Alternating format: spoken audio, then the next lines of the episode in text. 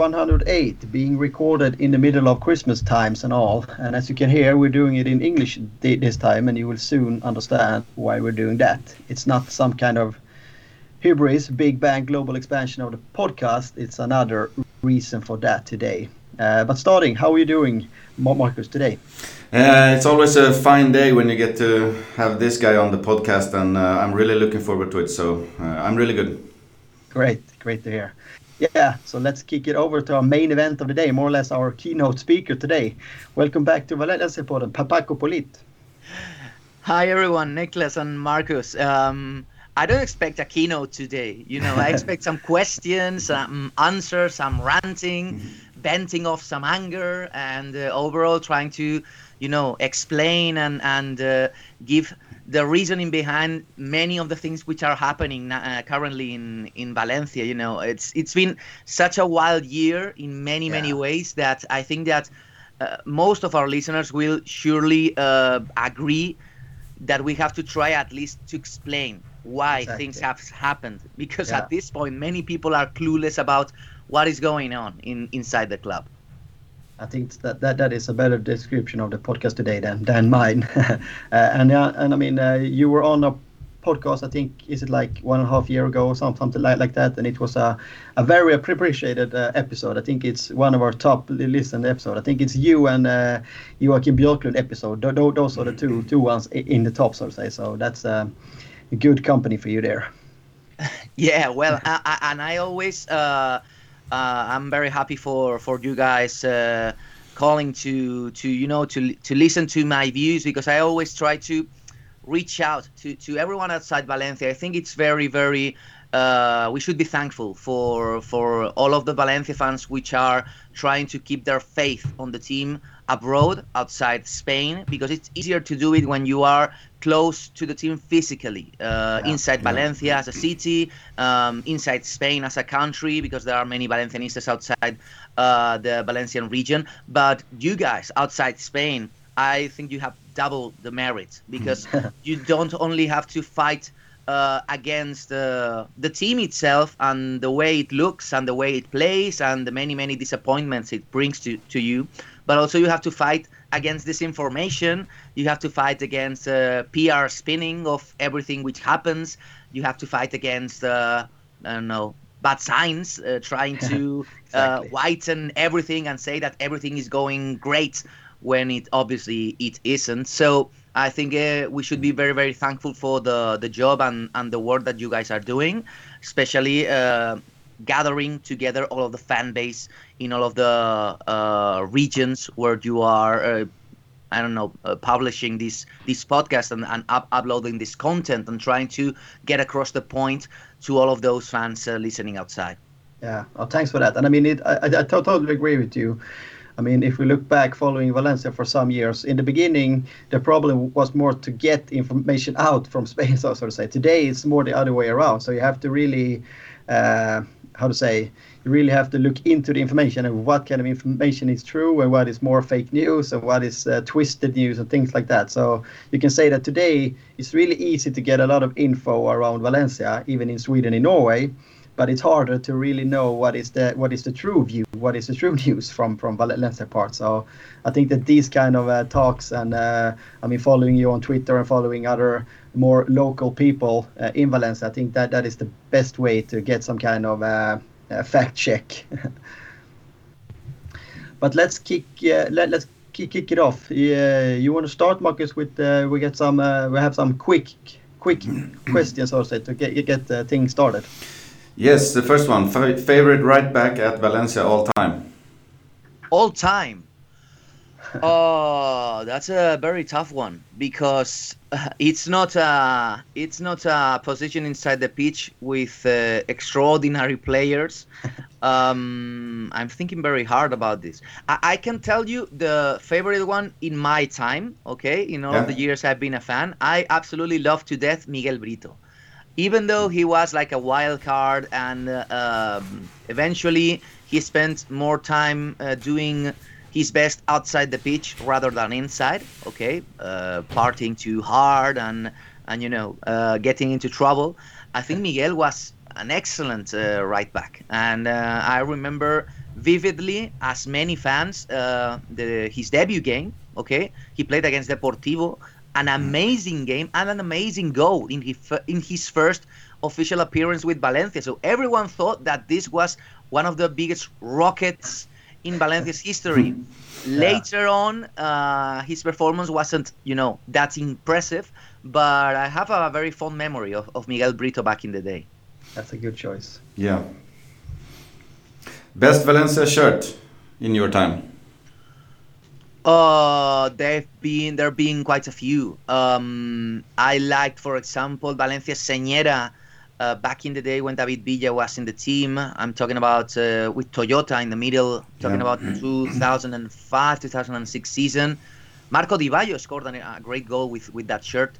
Um, I also like the the orange one in the Copa del Rey season, 1998-1999 um, which actually a, a few days ago I, I saw it in the flesh when I went to Paco Camarasa's uh, home.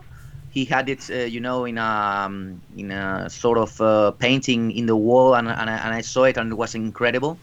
And in the recent times, I have to speak uh, very fondly about the centenary kit, uh, the one Valencia Yeah. wore in the 2018-2019 season, full white, even the three Adidas stripes white, with that golden uh, Yeah. logo in in mid of the of the chest because of the you know of the memories associated with that kit. And the Copa del Rey conquest in, in Sevilla against Barca comes immediately to mind. So that was very impressive. And also I have to say that that is one of the most sought out um, kits uh, in recent times. It was absolutely sold out. Many scalpers working and doing their thing in in the black market and many people looking for that uh, kit uh, unluckily for them they are unable to find it because it's absolutely sold out in any size and in any form after such a successful season And the orange one was that the one with uh,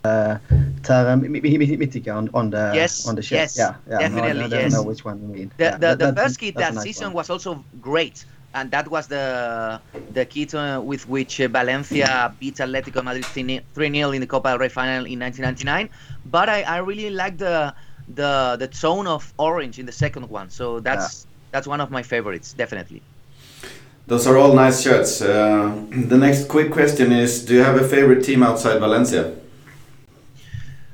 Um, I have a few because um, when I was when I was uh, younger, I, I was quite more radical with my uh, tastes. I've always uh, talked about this. I, I, I was lucky enough that uh, at home I had my own um, manager. My father was a, a professional coach, okay, and he actually coached uh, a few teams even reaching uh, third tier um, level in, in Spain. I'm talking about uh, Levante's B team, for example, and a few others. So Okay. I, I, I was lucky enough that we weren't exclusive with uh, the support for one team. My, my father uh, had, you know, hundreds of um, videotapes with hundreds of games recorded. So at home we were constantly watching all games, recent games, all of them.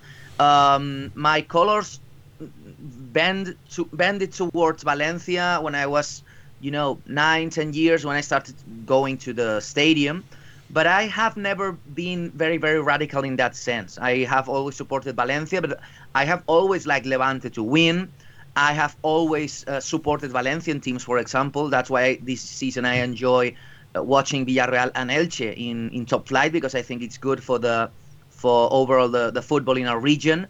Um, but uh, talking about other teams, yeah, you can have a few others in other countries. For example, when I was younger, I, I liked quite a lot Manchester United. Okay, but I'm talking about the '90s Manchester United with Yeah. uh, Alex Ferguson. Alex, Yeah. Um, in Italy, I used to like because of the of the passion of the fans. I, I, I used to like Napoli back in the day, um, but not really. You know, I've always supported my my own home teams like Valencia, Levante, Villarreal in the second term. Okay, but uh, yeah, I think it's compatible because whenever a derby comes around, obviously there's always one of the two which needs the points the most. mm-hmm. The rest of the time, you can support both of them, and I think there's no trouble with that. No, uh, that's a, I think that's a that's a good answer. Uh, so the two last quick questions. First of all, the most underrated player that played in Valencia in your book.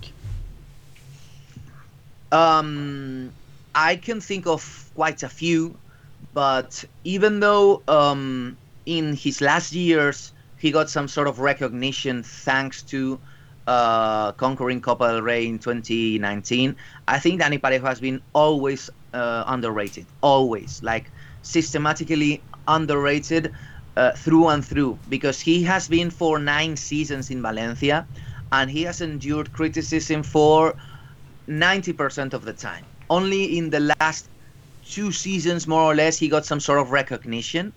But I think it's very unfair because he has been always a, a great player. Um, I'm thinking also about Banega, for example. He suffered the same fate, even though he didn't have the chance of winning a, a title.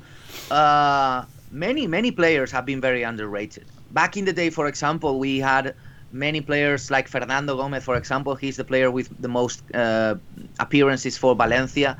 And he was heavily criticized in the 90s when the team were unable to, you know, touch some silverware, and that was his, that was his sin. He yeah. was the captain for a great team, a very very good team, but as they won no titles, he was very criticized, and at the end of the day, he had to leave for uh, Wolverhampton in '98, I believe, and uh, he never got that kind of recognition from the fan base. But I think it's uh, something very, um, which happens very often here. You know, yeah. fans only realize and appreciate the greatness of players when they have already left. And we yeah. actually are seeing that that se- this season because we're looking at the team and the way it performs, and many of us uh, are, you know, missing uh, that kind of quality that we used to have uh, like last season or a few seasons ago. Yeah. You're stopping. At, at Parejo because we have we have spoken a lot about him, of course, in this podcast over the years. Do you think that also? I mean, a lot of the criticism on him. Uh, it was more like he kind of suffered with being the captain as well, because then there came other expectations on him. He should be the leader. He should be uh, running more, fighting more for the team, and things like that. While his playing style was more, uh, you know, fluid play and things like that. So the uh, so to say the outlook or the or the or the appraisal of Parejo would have been a little bit different if he hadn't been the captain. I think the explanation is much more uh, simple than that um, in 2011, when he was signed from Getafe by, by Valencia, a few people decided that Parejo was bad. Wow. And that's it. And their big problem was that Parejo showed whenever he played that he wasn't bad, that he actually was very good. And as time went by and he matured as a player, that he was even better but that people had already made their mind. Parejo is bad, and we have to criticize him. We have to whistle him. We have to boo him, and we have to say that he is not worthy of this shirt. No. And that's why those people, as time proved them wrong, became even more radical in their uh, thoughts. Okay, and that's why uh, making people to shift their beliefs is so difficult over here, and that's why making a a good impression in first sight is so important. There, there have been many, many players who had 10% of Parejo's quality, but were handled handled with extreme care and love by some of the fans. Yeah. Why? Because their first game was very good, or because their, I don't know, their conditions were perceived as much better than they actually were. But that's the main reason for criticism against that guy. Some people said at his first few games that he wasn't worth Valencia. He wasn't oh. worth it. He mm. wasn't worth the shirt he was wearing. And that kind of mm, rigid, extreme, stupid mentality yeah. made that as seasons went by and he improved and he became more reliable, better player, better passer, better scorer, better captain of, of the locker room, they weren't going to deliver that to him. They weren't going to give him credit. And that's why even when he was undoubtedly Valencia's leader, Valencia's captain, the reference, they always denied him that privilege. Yeah. And unfortunately, that happens not only with Parejo, with many other players here in Spain and also in Valencia. Uh, regular fans, we have to endure that sort of behavior, and we will obviously we'll have to endure that sort of behavior in the future. But if we point it out, possibly, possibly in the future, it won't happen that often. But do you, do you think that Parejo turned around even the, the worst critics, so to say, and left with a good legacy, or do you can can you also see Parejo's legacy within Valencia growing over the years, so to say? Definitely, yeah. definitely, and that's going to be the biggest punishment for his haters. that yeah. uh, five years from now, ten years from now, Parejo is going to be remembered as one of the greatest captains in the 21st century, and yeah. there's no hating which will be able to overturn that um, and they are going to suffer it. I'm going to be very happy for them to suffer that kind of uh, mental, um, I don't know, abuse because yeah. Parejo has had to endure it for nine seasons. Um, I'm going to remember just one quick story about one game in Mestalla. I don't remember who was in front, who was who were the, the opposition, but Valencia were drawing the game going into the 90th minute, and uh, a Valencia player was taken down, brought down inside the opposite box. Parejo was going to take a penalty in the 91st minute to make Valencia win the three points. Some of the fans in Mestalla booed him and whistled and criticized him and yelled at him. Uh, that's awful. Yeah. And he scored. He took the pen. He scored it. Valencia won the game, three more points. Even against some of his own fans.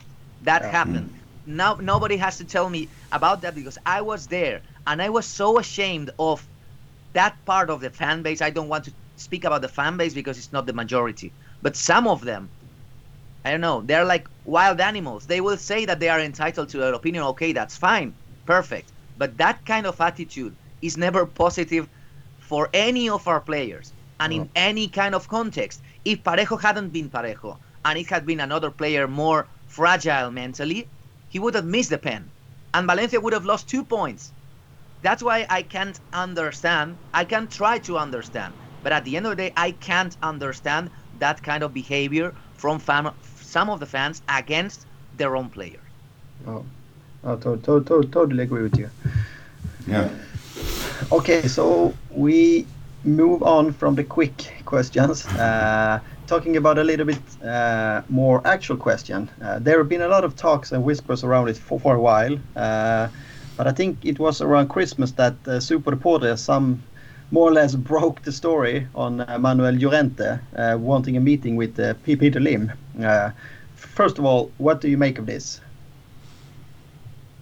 Mm, currently, that's not the the um, the info I have at this point. Um, many many things are being thrown around in the last few weeks um, and obviously i don't really understand why but for a portion of the fan base you know uh, invoking manuel llorente's name is like you know uh, trying to produce the devil from a bottle um, and that's why maybe maybe coming up with this name um, at the end of the day just uh, fuel support for Peter Lim. At the end at the end of the day because I don't really think that Manuel Llorente is really that interested in, in nothing related to Valencia at this point because Valencia at this point is one of the big, most toxic uh, assets in the whole country because of its debt, because of its management, because of its reputation both inside and outside Spain, and because how daily it creates new fires which need to be put out uh, Manuel Llorente could have a place inside the club 10 years ago or 20 years ago, as it was the case when he was the general uh, director and CEO when Valencia won the, the two leagues and the UEFA Cup. But at this point, I don't really think that he is game to come into the fold once again and, and try to, uh, you know, make the team rise from the pit where it's currently. I, I don't I don't really think that there's there's possibly a, an inch of truth in in in that kind of uh, story because uh, at the end of the day, Peter Lim isn't going to try and speak to any Spanish representative. That's one of the that's one of the lessons we've learned in 2020.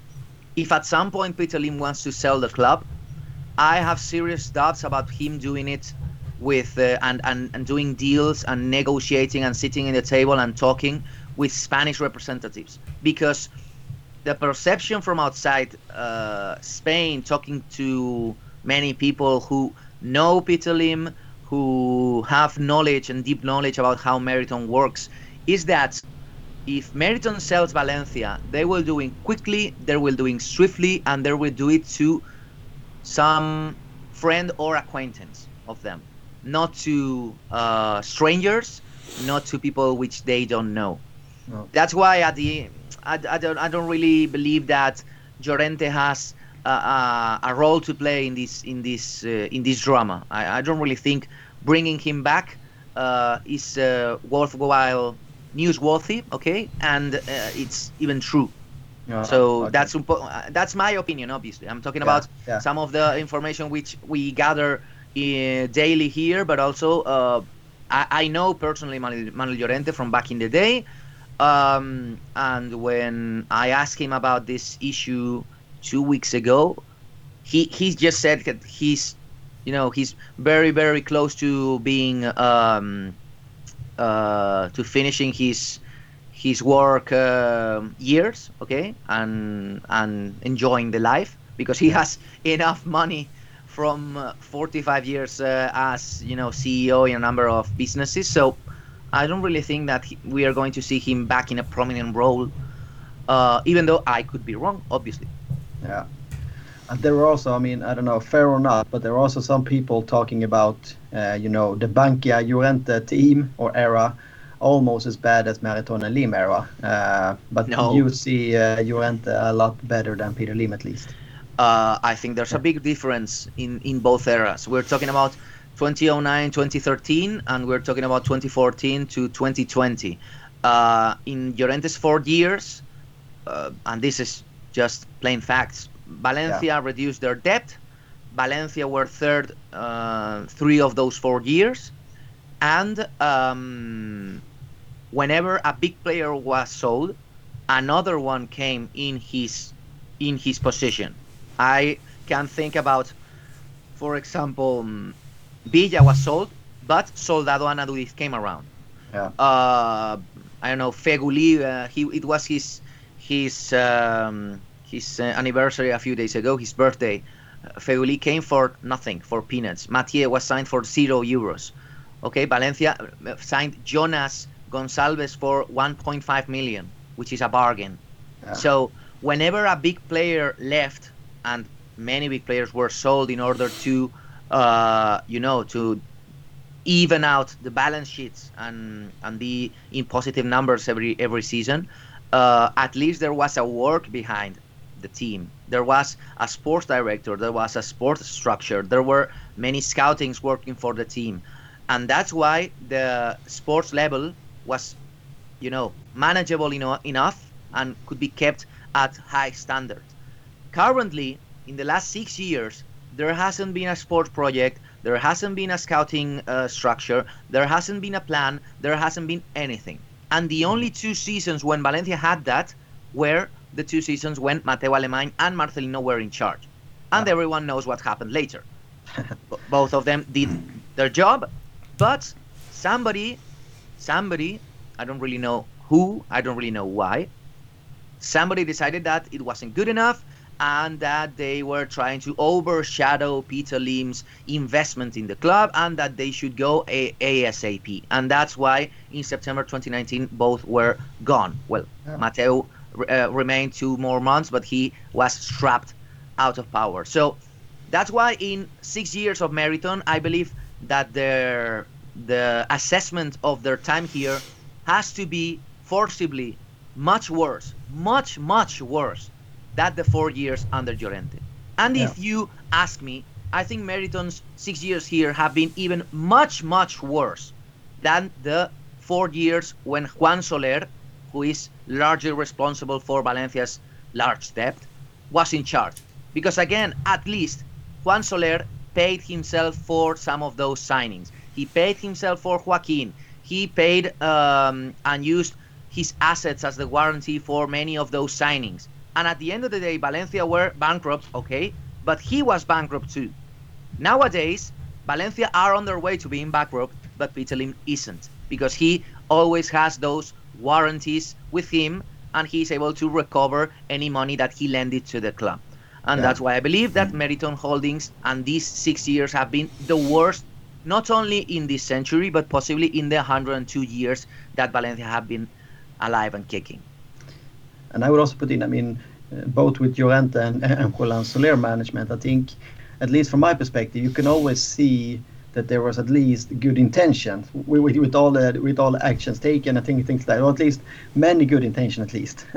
I mean, they, they they did a lot of signings, putting Valencia in debt, but I mean, the intention was to get a, a, a strong team. So, to say, I mean, the management with Peter Lim and Anil Murthy, you don't really understand what is the intention here, uh, and uh, so sometimes And, you and, and, and we had the we had the chance of asking them exactly at some point, Yeah. but like, why are you doing such stupid moves uh, at the helm of the club? And they Yeah. could reply to us and they could Yeah. answer. But we cannot ask Peter Lim why is he doing things so badly over here. We cannot ask why did he sign Abdennour back in the day for 30 million? Why did you sign Aderlan Santos for such uh, a big quantity? Why did you sack Marcelino? Why did you sack Mateu Alemany? Why don't you uh, kickstart again once again the works in the new stadium? Why you are not uh, fulfilling all of the promises you made back in the day in 2014?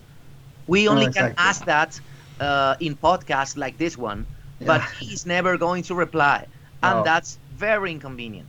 yeah no they're not standing up or uh, answering up for any, any of their actions and i have never read anything where they are saying that okay we made a mistake we know that uh, we take full responsibility of this there is always uh, An excuse. exactly it's always some some some other that is to blame so to say uh, moving on to the within the same topic i mean we can summarize a pretty pretty crazy year 2020 in many perspectives uh, mainly bad and negative things of course both in the world but also within valencia cf is there anything positive around valencia cf that you can take wi- with you from this 2020 Yes, always. They are. You can always search for bright spots in a in a year which has been almost 90% darkness. um, I would like to uh, address just how uh, seriously and how much they really tried the players back in January to keep consistent and to keep the working as a single unit as they used to do when Marcelino was uh, in charge. Um, and uh, it was a worthy effort. I have to admit that the team managed to keep that Marcelino uh, propelled um, attitude for two, three months. And that's why, for example, they were able to beat, um, to draw against Chelsea in the Champions League in December Mm. 2019 or or beat um, Ajax uh, one 0 away in in the Johan Cruyff Arena a few weeks later. Uh, they they played a Marcelino style game. They ran like mad. They uh, displayed an incredible physical effort, and and you have to I don't know you have to address that, and you have to uh, shake those players' uh, hands uh, because of their effort. After the break, and once uh, 2020 came around, I think that the um, the Super Cup played in in Saudi Arabia just you know marked the beginning of the end for that squad. Uh, the way they were thrashed in against Real Madrid. Uh, later, January wasn't a good month for the team, uh, and later in January was uh, in in February the results were even worse. I remember very harsh defeats against Real Sociedad 3 0, Getafe uh, 3 1, I believe, 3 0 also. Um, many, many big defeats, and that's when, when the team fizzled out. They were just exhausted physically, they were strapped all of their um, football plan. Which Yeah. is what Marcelino had. Many people thought, oh, Marcelino only uh, likes to defend 90% of the time, gets a couple of fast breaks, a counter, 1 0, go home. Okay. But there was a- a plan behind that. Um, as we say in Spanish, automatismos. Player had their own uh, automatically uh, tactical moves already inside their brain. And as Celades' months became more apparent that they were going to play to another different style of football, players began losing that, and that's why at the end of the day, the, the team, the team uh, broke down. First in, Yeah. in March before the COVID-19 break, and later when they came back in June, the team was awful. Those those those last 11 games were were simply awful.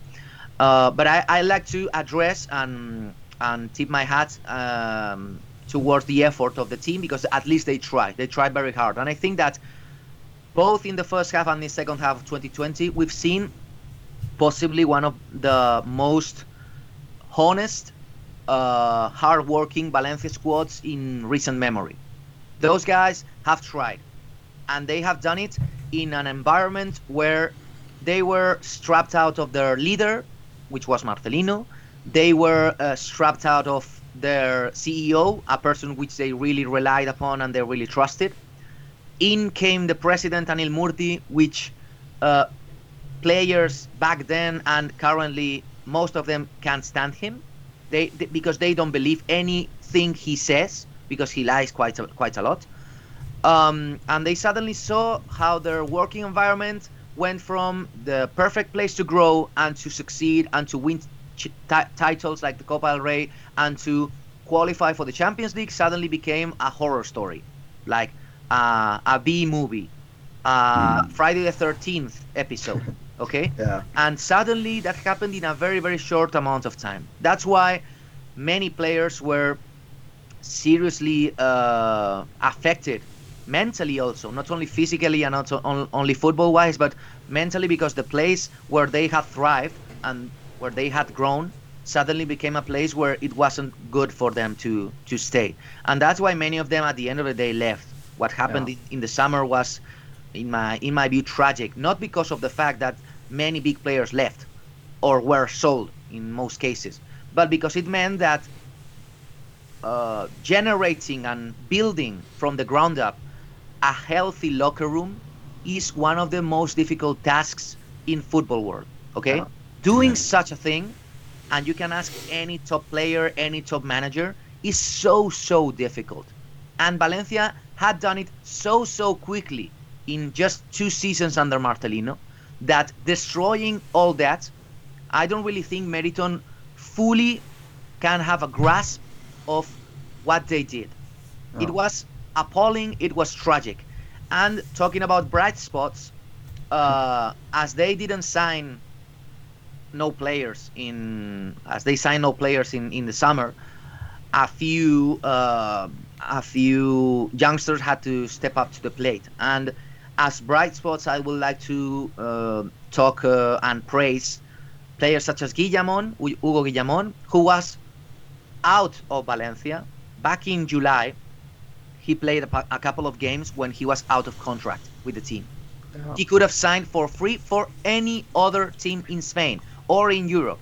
Actually, Villarreal had been knocking on his door for many months, but he's so homegrown and he's such a Valencia fan himself that he waited even longer than what uh, it's recommended for any top player. Okay, so he stayed in Valencia. He extended his contract, and in order to do that, he had to prove on top of the pitch that he was worthy of the shirt. And he was one of the brightest spots in the last 11 game run uh, last season. And in the current one, I have to speak about Yunus Musah. Yeah. He has done something very, very similar. He was seen as a as a bright prospect. He was he had a I don't know. Um, the coaches saw a huge potential inside him, but he had to show it in, on top of the pitch, and he did it. He did it very, very well. So well, in fact, that he deserved uh, a contract extension. He's now a fully first squad player. His buyout clause has been bumped up to 100 million, and he's one of the brightest uh, players at this point and one, one of the brightest prospects in, in Valencia. It's not easy to become one of the members of the starting 11 when you are 18. So possibly Yunus, possibly um, Hugo Guillamon, um, not really seeing any of the other players, but yeah, those two are some of the brightest spots in, in such a year, and also the effort which the last season squad and the current season squad are showing in any single game. Because you can speak whatever you want about the quality of the squad. This season but you can never say that they don't put 100% in everything they do and mm. i think that we should at least recognize that yeah what what what do you see? What is your opinion on the? Because I totally agree that there are a lot of new young players that have come up and really uh, impressed and really yeah they more or less come from uh, from out, out of the blue so to say. Uh, but then looking at some of the more experienced players, uh, what is your opinions on the performance of players like Maxi, Guedes, Gameiro, Cheryshev, uh, players that we perhaps need to demand a little bit more from, especially this season, since so many leaders and, and experienced players left this summer. Uh, we have been a little bit critical to, to, to, some of these players in the podcast before here, so it could be nice to hear your view on, on these type of players. I think that we have to, um, I don't know, try to measure uh, the development and the performances of all of those players individually. For example, yeah. you mentioned Maxi Gomez. I believe that Maxi, alongside Jose Luis Gaya, are the only two super elite players that Valencia have currently. Um, I think Maxi does so many things so so well that people can't even realize how important he is for the team. Not only as a scorer, okay, as a finisher, but in every single ball which gets um, into his uh, influence area. For example, um, against Barca a few days ago, uh, he did a, a, great game fighting against the opposite center backs, trying to keep the ball in his control, opening spaces, fighting for any loose ball, recovering the ball, uh, forcing fouls upon him, which later became uh, potential chances for the team. I don't know. He does absolutely everything right, and that's yeah. very very weird to see in in such a striker because we tend to see strikers as you know finishers, people who get the ball and try to put it inside the, in the inside the goal. That's it. But Maxi does so many more things and so well that um, so far this year, I think his growth has been amazing. In 2020, he's been one of the bright spots in that sense. Uh, possibly not that. Um, I don't know that visible because when Yunus Musah suddenly explodes as a player, many people are more uh, focused on him. But Maxi's yeah. growth has been much more silent. So Maxi and Gaya have to be in the starting eleven always because they are the, in my view, the only super elite players which Valencia have. Guedes could be one of them yeah. at some point. And I think he's slowly crawling back to that status. Why? Because in order to be a super elite player, you only have to have one condition. You need to work hard. And Guedes used to have that sort of, I don't know, careless attitude whenever he got the ball, trying to dribble on himself the whole opposite team, something which is actually impossible in 2020 and he's slowly but steadily learning that he has to work harder. He has to help his teammates uh, on the defense. He has to run more. He has he has to put in the effort okay? Because he has the quality and he has the technique. And he has the precision whenever shooting. And he has the power in his shots. So all of those qualities all together create a very very worthy player. A 40 million euros player which is what valencia paid for him back in the day Guedes has had a one and a half years uh, huge decline, but at this point, going into the 2021 year, I think that he's slowly realizing what he has to do in order to be the Gonzalo Guedes that we used to love three years ago. Okay, and um, if uh, I have to talk about the rest of the team, it's true that some of the veterans haven't been up to par in their performance. Um, I am very disappointed with some of them. I'm talking about Cheryshev, for example. I'm talking about Gameiro, uh, because I think that they can do much better. I've seen them doing much better, but uh, at the same time, they have been so uh, damaged by injuries, which have been so so frequent and uh, happened uh, in in in such a way this year that at the same time, I realize that I cannot demand from them the, the same levels of performance that they used to have three years ago. Okay. Oh. Uh, but and that's it. I, I think that really that's it because you don't really have the, that those that much veterans inside the inside the team. Many of them have.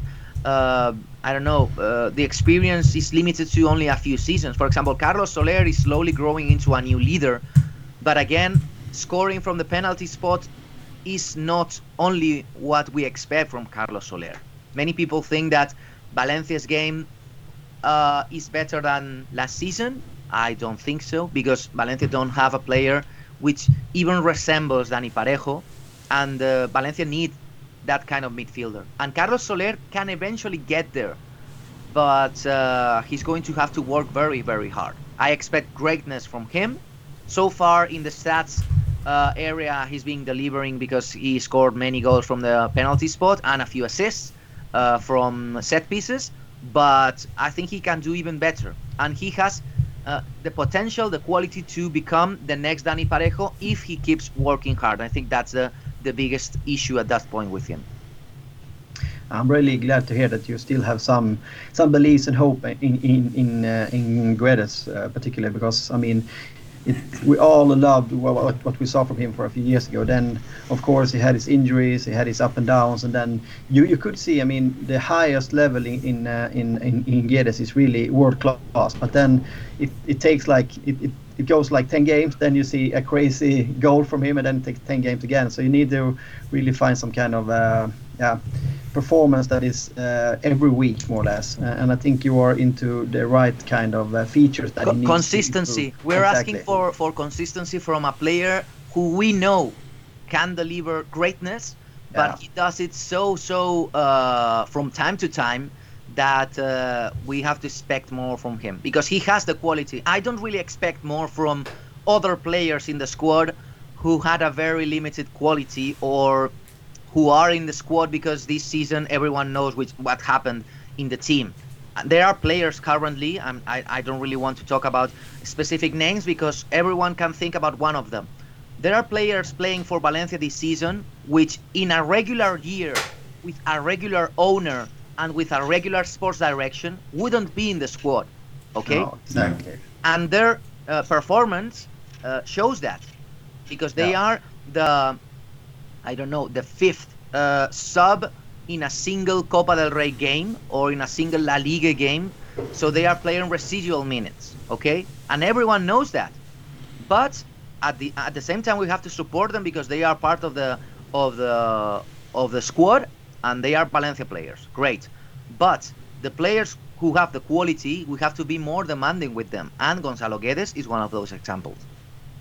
And I also think, I mean, it, it says, says a lot when we're talking about players like Guedes, Maxi, and Soler. We, we are talking about these players in the same sentence as we're saying like veterans, and they are like 23, 24 years old. So that that, that says a lot about the squad that we have today in, in Netherlands. I would say.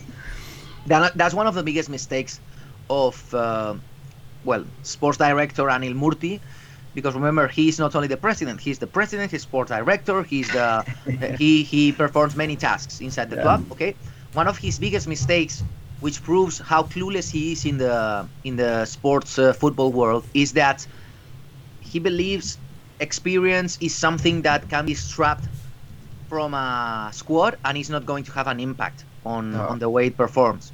Where, whereas in reality, uh, it's quite the opposite. You know, experience is something which it's very tough to find in the market because experience usually takes years. And when you have a veteran player, 29 years old, 30 years old, 32 years old, it seems that Valencia don't want to sign those kinds of players. And actually, that's what Murthy said, stated in one of his, I don't know, 20 interviews he's done in 2020 in foreign media, obviously, because that's one of my biggest gripes in that sense. He had zero interviews with Spanish media, zero interviews with Valencian media. All of them were um, undergone with uh, foreign media, and many of them uh, happened in Bad Sign, which is an official uh, club um, tool in order to uh, get their points across. So he said that Valencia cannot uh, afford to buy veteran players or players who are going into their 30s. Great.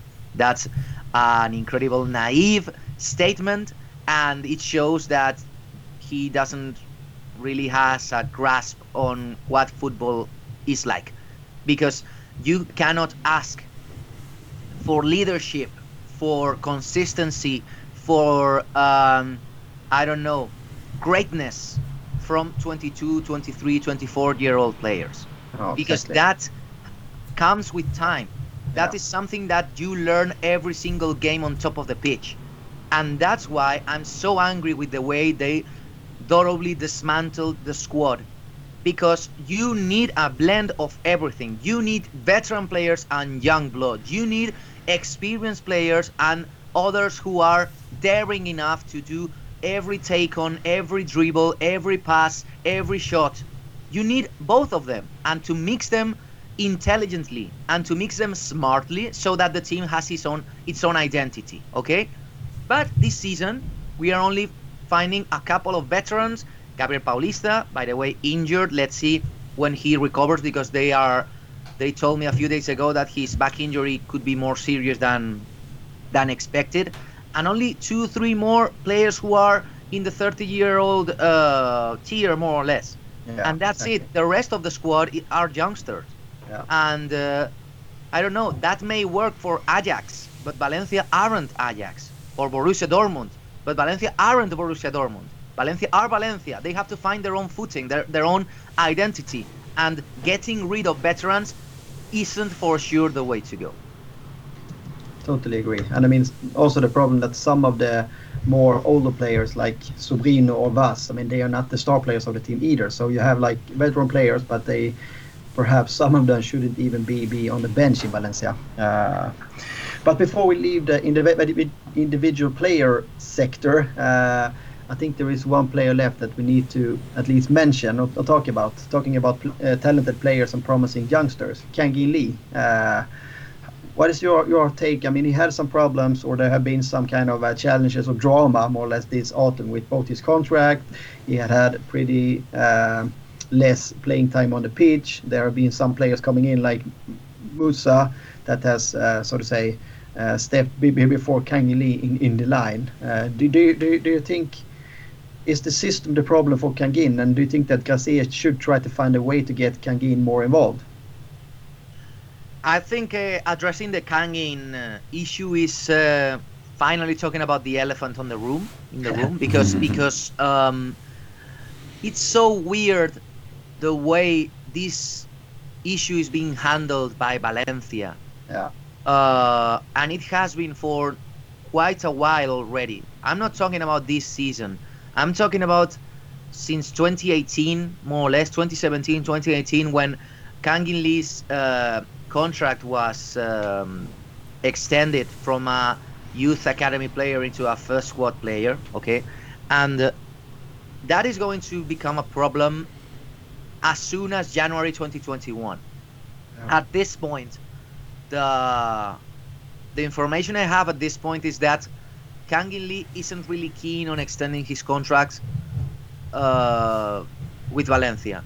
Actually, he's not that pleased with the way his sports career is being managed by Valencia because it's true, and let's put ourselves in the player's shoes. It's true that Javi Gracia isn't playing him uh, regularly as a starter. Voro didn't do the same back in the day. Celades didn't play him as a starter either. And obviously Marcelino didn't play him as a starter either. We are talking about four different managers with a player who is undoubtedly gifted and has world class quality inside him. So we should ask ourselves why is that happening? Okay? The way I see it, based upon uh, different opinions gathered inside the locker room, inside the the training grounds, um, Yeah. all around. Okay, is that Kangin needs more time, more quality time in top flight, and many many of these uh, issues would be swiftly uh, changed and solved by loaning the player. Yeah. One year loan. Back in the day, I don't really want to speak about this example because it comes to mind very, very quickly. And sometimes things don't go that well. But back in the day, David Silva, before playing for Valencia's first team, he went two times on loan in Eibar and in Celta. He was two years away from Valencia, polishing his own uh, play, his own football. Playing in Eibar isn't playing in Mestalla. It's a very demanding place. It's a very demanding pitch. Uh, he has a very demanding coach because Mendy Mendilibar is incredibly demanding with youngsters, but at the same time, he forged his their quality like you know cast iron. When you go and with hammer with the hammer you go at the iron and you go at the iron and you go into turning it into something worthy. That's what Mendilibar does with youngsters, and that's what happened with Silva back in the day, and also in Celta. So that's when he came back in 2006, I believe. And under Quique Sanchez Flores, he was able to thrive in an incredible season. I remember a goal he scored against Chelsea in Stamford Bridge. It was his first international experience that season in the Champions League, and he was a true highlight for the team. Okay, David Silva has many similarities with Kangin Lee in the way he plays, in the way he moves, in the way he sees football. Yeah. But Kangin Lee has always wanted to remain in Valencia. He was never open for a loan. That has been a problem. And Valencia should have tried to persuade him in 2019 that the best course of action, both for him and for Valencia, was extending his contract one more season and loaning him to a middle tiered La Liga team, where he would play every single game as a starter. And he would have 38, 40 more games under his belt. And in summer 2020, he would be able to come back to Valencia and come back as a fully grown top flight player.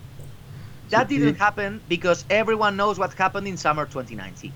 Marcelino was sacked, uh, Mateu was uh, strapped uh, powerless, and Murthy suddenly t- took over all of the uh, operations in, in the sports area. But Kangin Lee is already late to the party in that sense. I think he's lost two seasons in Valencia, lost seasons, and that's incredibly uh, angering for any Valencia fan because he needs to play, and if he doesn't have the playing time guaranteed in the team, he should be loaned.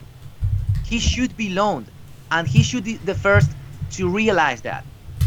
But uh, uh, many, many different factors have uh, joined together and blended together in order to generate a mess, which is right now damaging both the player and the club. So I don't really know what is going to happen with his future. I do know that he is not happy. I do know that his intention at this point is not extended his contract. Remember, he has it. Uh, his contract is due till June 30, 2022, and that means that next summer will be uh, the same, the exactly same case scenario as Ferran Torres, uh, which was sold for, in my view, peanuts because he only had one more pending year of contract. So I'm very worried about that, and I'm very worried because we are putting into the blender many factors which are potentially damaging for Valencia.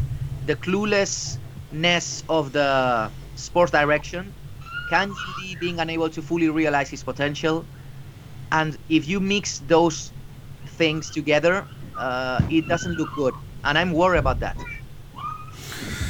Yeah, really worrying. Uh, it's uh, I don't I don't know if the youth academy policy can take another Ferran Torres like sale of uh, Kangin and still remain uh, the, the the jewel of Anil Murthy's uh, uh, Valencia, so to say. The, Uh, the, the problem the problem with Kangin Lee is that uh, it's already very very late in in that in that stage. As I said earlier, we are late to the party. All of us, both the the fans, the the media, the the club, the the player himself, and um, when the positions are so far away, and the ideas from both parties are so far away from each other, it's very very difficult to come together and reach an agreement Yeah. because I think everyone can agree that what Kangin needs to do is to play every single game. In my view, he's one of the top three talents in Valencia squad nowadays. In my view, he should play every single game. But I am not the coach. Javi Gracia is the coach. And Javi Gracia understands and thinks that he has other players in front of him. So I think we are losing one of the biggest talents of the academy in the last 20 years for not being able to properly manage his career. And that is a very, very, very worrying uh, issue. It's a, a real pity. And I think someone should do something about that. That's the bottom line. Yeah, I agree. I totally agree with you. We uh, a couple of episodes ago uh, we were talking about a subject we really don't like to talk about, but uh, we still want your view on it. So, looking at the way things are going economically and sporting wise, uh, how do you see the risk of Valencia getting involved in the relegation battle for real uh, at the end of this season, or maybe getting even relegated to Segunda uh, this year or next year? Mm, well, I, I can only look at facts. I'm going to type, okay? You're going to listen it. La Liga Clasificación. La Liga Clasificación. I'm looking at the standings. Valencia sitting right now 14th with 15 points in 15 games. One point away from the relegation spot, which Valladolid is uh, placed now upon, which is 18th. 15 games, 14 points. That's the truth at this point in the year. And that's a reality. If people don't want to see that, that's fine with them. I understand it. I respect everyone's opinion. But in my view, just having a glance at the table uh, shows and demonstrates that Valencia are in the battle. Even if they don't want to uh, address it, Valencia are in the relegation battle at this point in the season. That's that's the truth. Yeah. Um, and I think we would be cheating on on our listening listeners and trying to betray their confidence and betray their trust and uh, and trick them into thinking that Valencia are better than they are. No, Valencia are right now in the 14th spot, 15 points, one point away from relegation spots. That's it. Why are they uh, placed in such a in such a low place in the in the table? Well, we only have to look at the 15 games played to date. Uh, Real Madrid's game many people are going to uh, have fond feelings of that game for many years because it was extraordinary. Not in the way Valencia played, but in the fact that Valencia got three pens for them and Real Madrid got three pens against them. Yeah. Such a thing won't ever happen again individually. Let's blend together in the same game. Okay? we, we saw something uh, which made its mark in history because we are never going to see something even remotely similar. I don't believe I'm going to see in my lifetime three pens against Real Madrid in a single game. Ever. And I don't think I'm going to see ever in my lifetime three pens for Valencia in the same game. Okay? So that's why we should put that, uh, I don't know, that question mark on that game because, yeah, it was a win for one, three points, great. But the circumstances surrounding that game weren't, you know, a regular La Liga uh, match. Okay, if we get that game aside, Valencia would have, I don't know, 12, 13 points. It would be in relegation places. Yeah. That's it. Because the, game against Real Madrid was so extraordinary that that I don't really see it as a mark on the on the form of the team. The form of the team can be seen for example, in the latest five games, two defeats, three draws, three points out of 15. That's the form that I'm looking at this at this moment, at this exact moment in the table. Uh, and only one win in the last 11 games against Real Madrid. With those numbers, how is Valencia not going to be in the run to avoid relegation? The opposite would be very surprising. Valencia are a very hard working squad. They run like hell. Their effort is out of question. The players are committed. In my view, the staff is committed. Uh, the manager does his best, okay? But Valencia find it so tough to win a single game. Yeah. Remember that they were about to get relegated, uh, about to get knocked out of the Copa del Rey against a fourth division squad, Tercera División, Terrassa. They were losing 2 0, trailing 2 0 in the second half. And they were able to turn it around because Terrassa just self destroyed, okay? But Valencia were this close to getting knocked out of the Copa del Rey in one of the biggest shames of my lifetime. And they were able to avoid that. But in La Liga, those kinds of games just happen every single weekend. This season is shorter than ever. You have a very compressed schedule of games every two, three days. Valencia squad doesn't have the depth or the quality to sustain that. Valencia squad is very short, the quality of the players is very limited, and only a few of them, a handful of them, are really good first division players. The rest of them are youngsters or are players who don't have that kind of quality. With that kind of those kinds of tools, what do you expect from Valencia?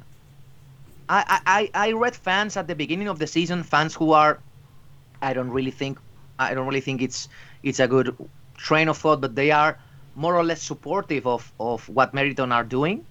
There are only a few of them, thankfully. I read people saying that Valencia should fight for Europe and should fight for the Champions League, and their their uh, professionalism should uh, at least try and get into Europe. That's nonsense.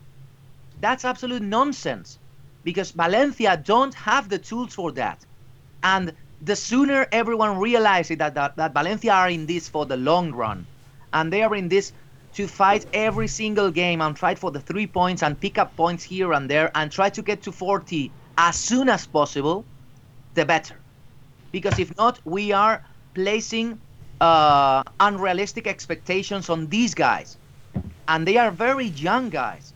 Very, very young. The lads don't deserve the kind of pressure that their own management, I'm talking about Murthy and, and company, were placing upon them at the beginning of the season, they were talking about uh, trying to get into Europe, into the fifth, into the sixth place. In my view, that was nonsense, and that is currently nonsense. Valencia needs to win games, get into the middle of the table as soon as possible, get far away from the relegation places, and then, whenever we are at that point, we are in March, in April, and then try in the last run of games to, I don't know, string two, three, four wins and try to get there into sixth, seventh, eighth. That would be, in my view, a successful season. But at this point, we are in deep. Uh, what what continues? Okay, we're in deep. what continues? Uh, because you only have to look at the team's form and Yeah. just how difficult they find to win a single game, because they are able to match almost everyone in intensity, effort, drive, grit, um, all of those parameters. But when the time comes to slot the ball in, Valencia find it very tough to win a single game, and that's why they are so so low in the standings. So the question was, do you find Valencia to be one of the candidates to be in the fight for relegation? Definitely. You only have to look at the table at this point to see that we are already in that scenario. Yeah, that was uh, kind of our, our take on the subject also. Uh, a lot of people around uh, seem to think that that uh, it will always sort itself out. It's big Valencia. You you will get your points, and uh, we were like, no, that's not the case right now, this year or next year. Uh, and talking about that, we are heading in or are in a winter transfer window, but we have no money to party. Do you see anything happening in the in the window? I, I can I can tell you guys what we have learned, uh, and it's that the sports director Anil Murthy has uh, promised the manager Javi Gracia that they are going to try to sign a center back, and if there's the chance, they are going to try to sign a midfielder. That's exactly what happened last summer, and everyone knows how it went down. Okay, so no players came. Uh, that's the information at this point. I don't really know what is going to happen. I do know that, and this is very fresh uh, information that we we got, or in my case, I, I got a few days ago, that um, in the past, whenever the team lost a few games or was in a bad spot, Meriton Holdings, the management, the executives, Anil Murthy, were more or less aloof regarding that, and they didn't care that much because, oh, well, it will be sorted out at some point. Okay. The information that they have is that this season they are worried, that they are truly worried about the possibility of getting relegated because the danger is real. And Yeah. finally, finally, they have realized that the danger is real. Even though they are blaming COVID 19, they are blaming, still blaming Marcelino and blaming Mateu Alemany for the signings he made, blaming everyone except them. Okay, everyone except themselves. but at least they are worried. And in my view, that's good because it means that they are going to try harder on January to to sign a couple of players in January to, to sign a couple of players.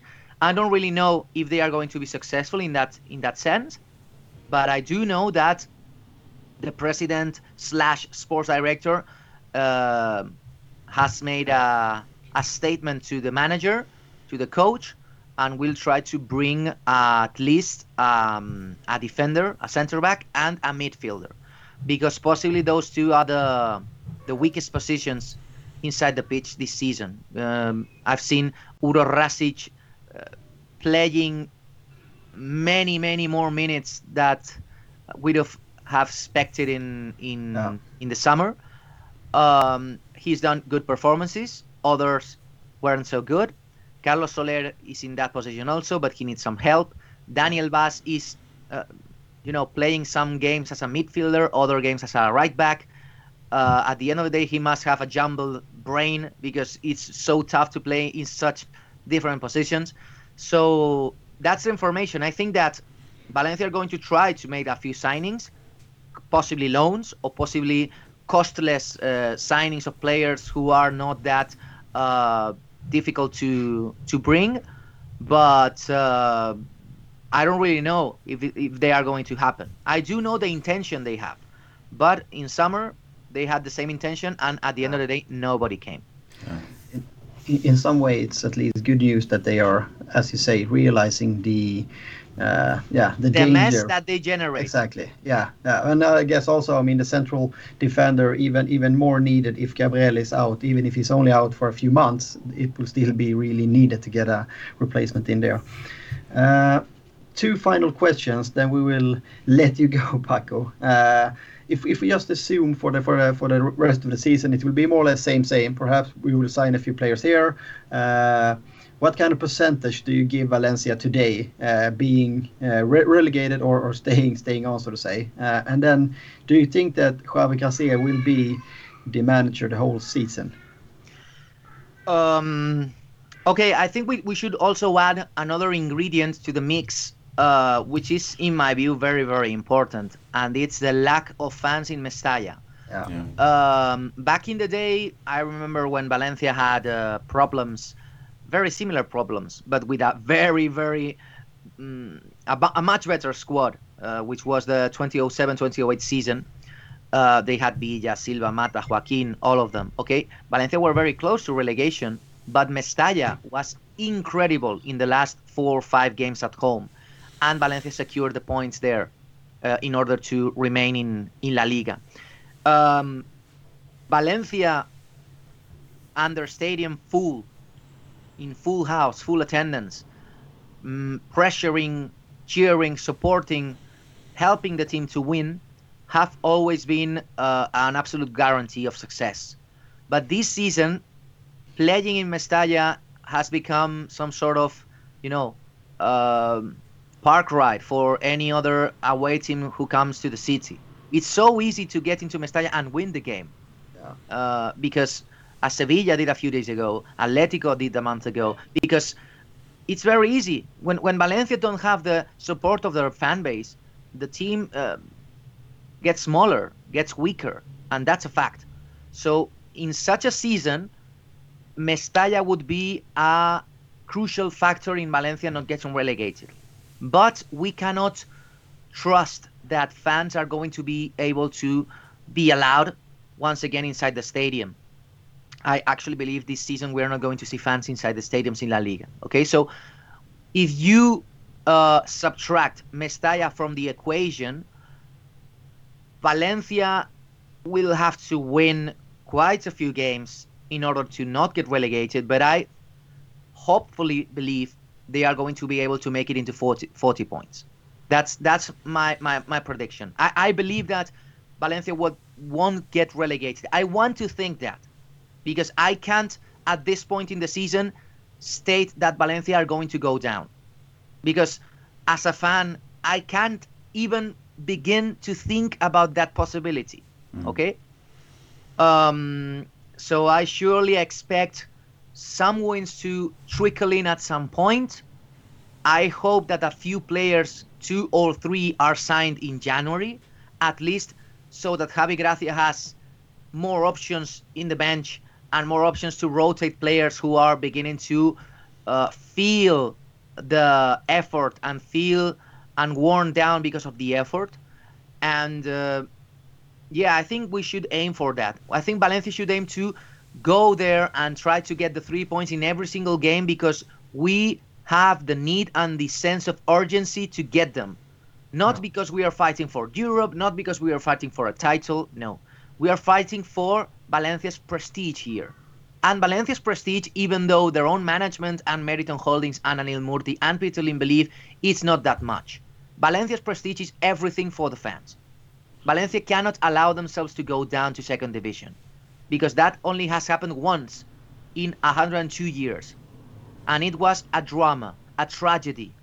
It happened in 1986, and nobody wants that to happen ever again.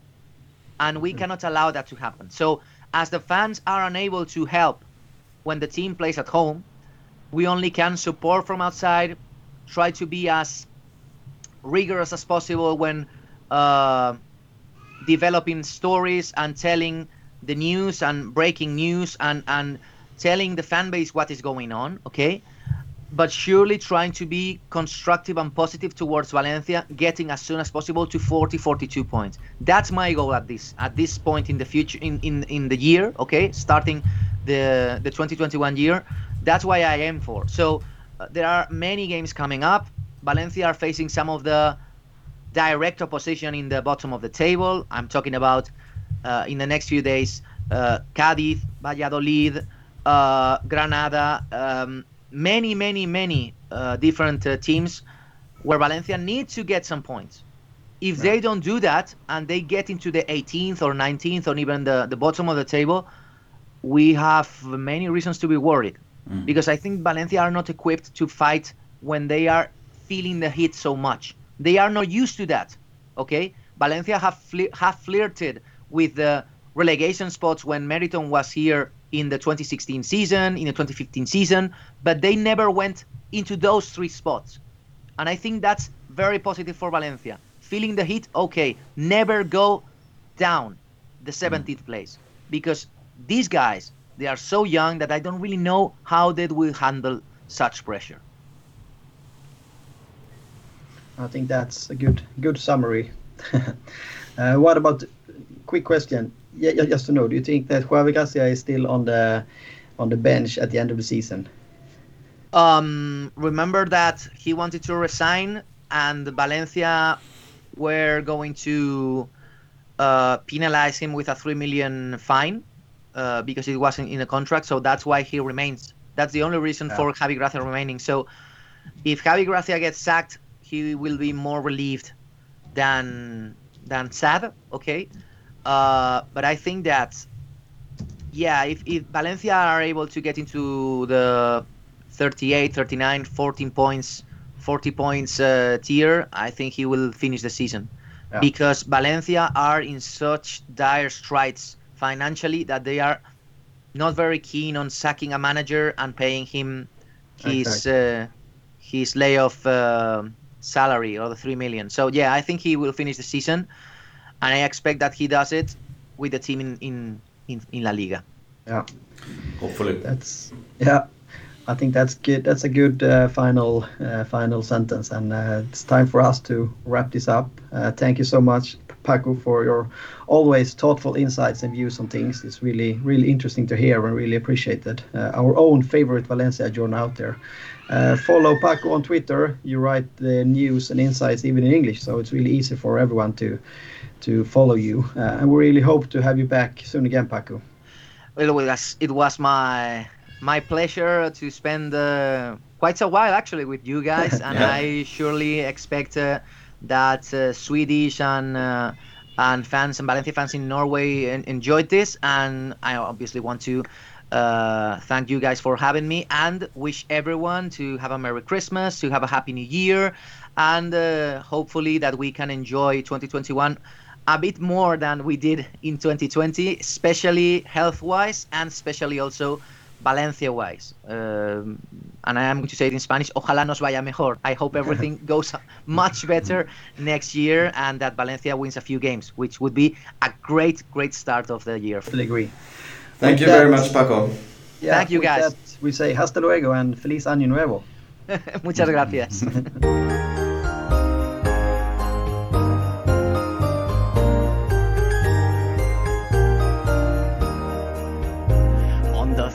day of Christmas, my true love sent to me a project torn down cause of envy. On the second day of Christmas, my true love sent to me two sucky sackings and a project torn down cause of envy. On the third day of Christmas, my true love sent to me Three coaches suffering two sucky sackings and a project torn down cause of envy.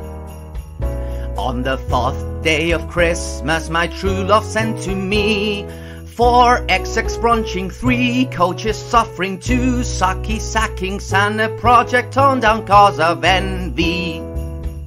On the fifth day of Christmas, my true love sent to me no fans at home. Four XX branching three coaches suffering, two sucky sackings, and a project torn down cause of envy. On the sixth day of Christmas, my true love sent to me six years of madness, no fans at home. Four XX branching three coaches suffering, two sucky suckings, and a project torn down cause of envy. On the seventh day of Christmas, my true love sent to me seven players sold, six years of madness, no fans at home. Four XX brunching, three coaches suffering, two sucky suckings, and a project torn down cause of envy. On the eighth day of Christmas, my true love sent to me. Eight workers kicked out, seven players sold, six years of madness, no fans at home. Four XX brunching, three coaches suffering, two sucky sackings, and a project torn down cause of envy.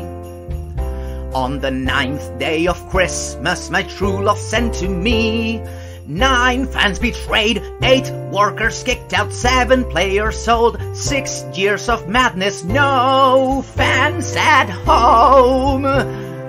Four XX branching, three coaches suffering, two sucky sackings, and a project torn down cause of envy.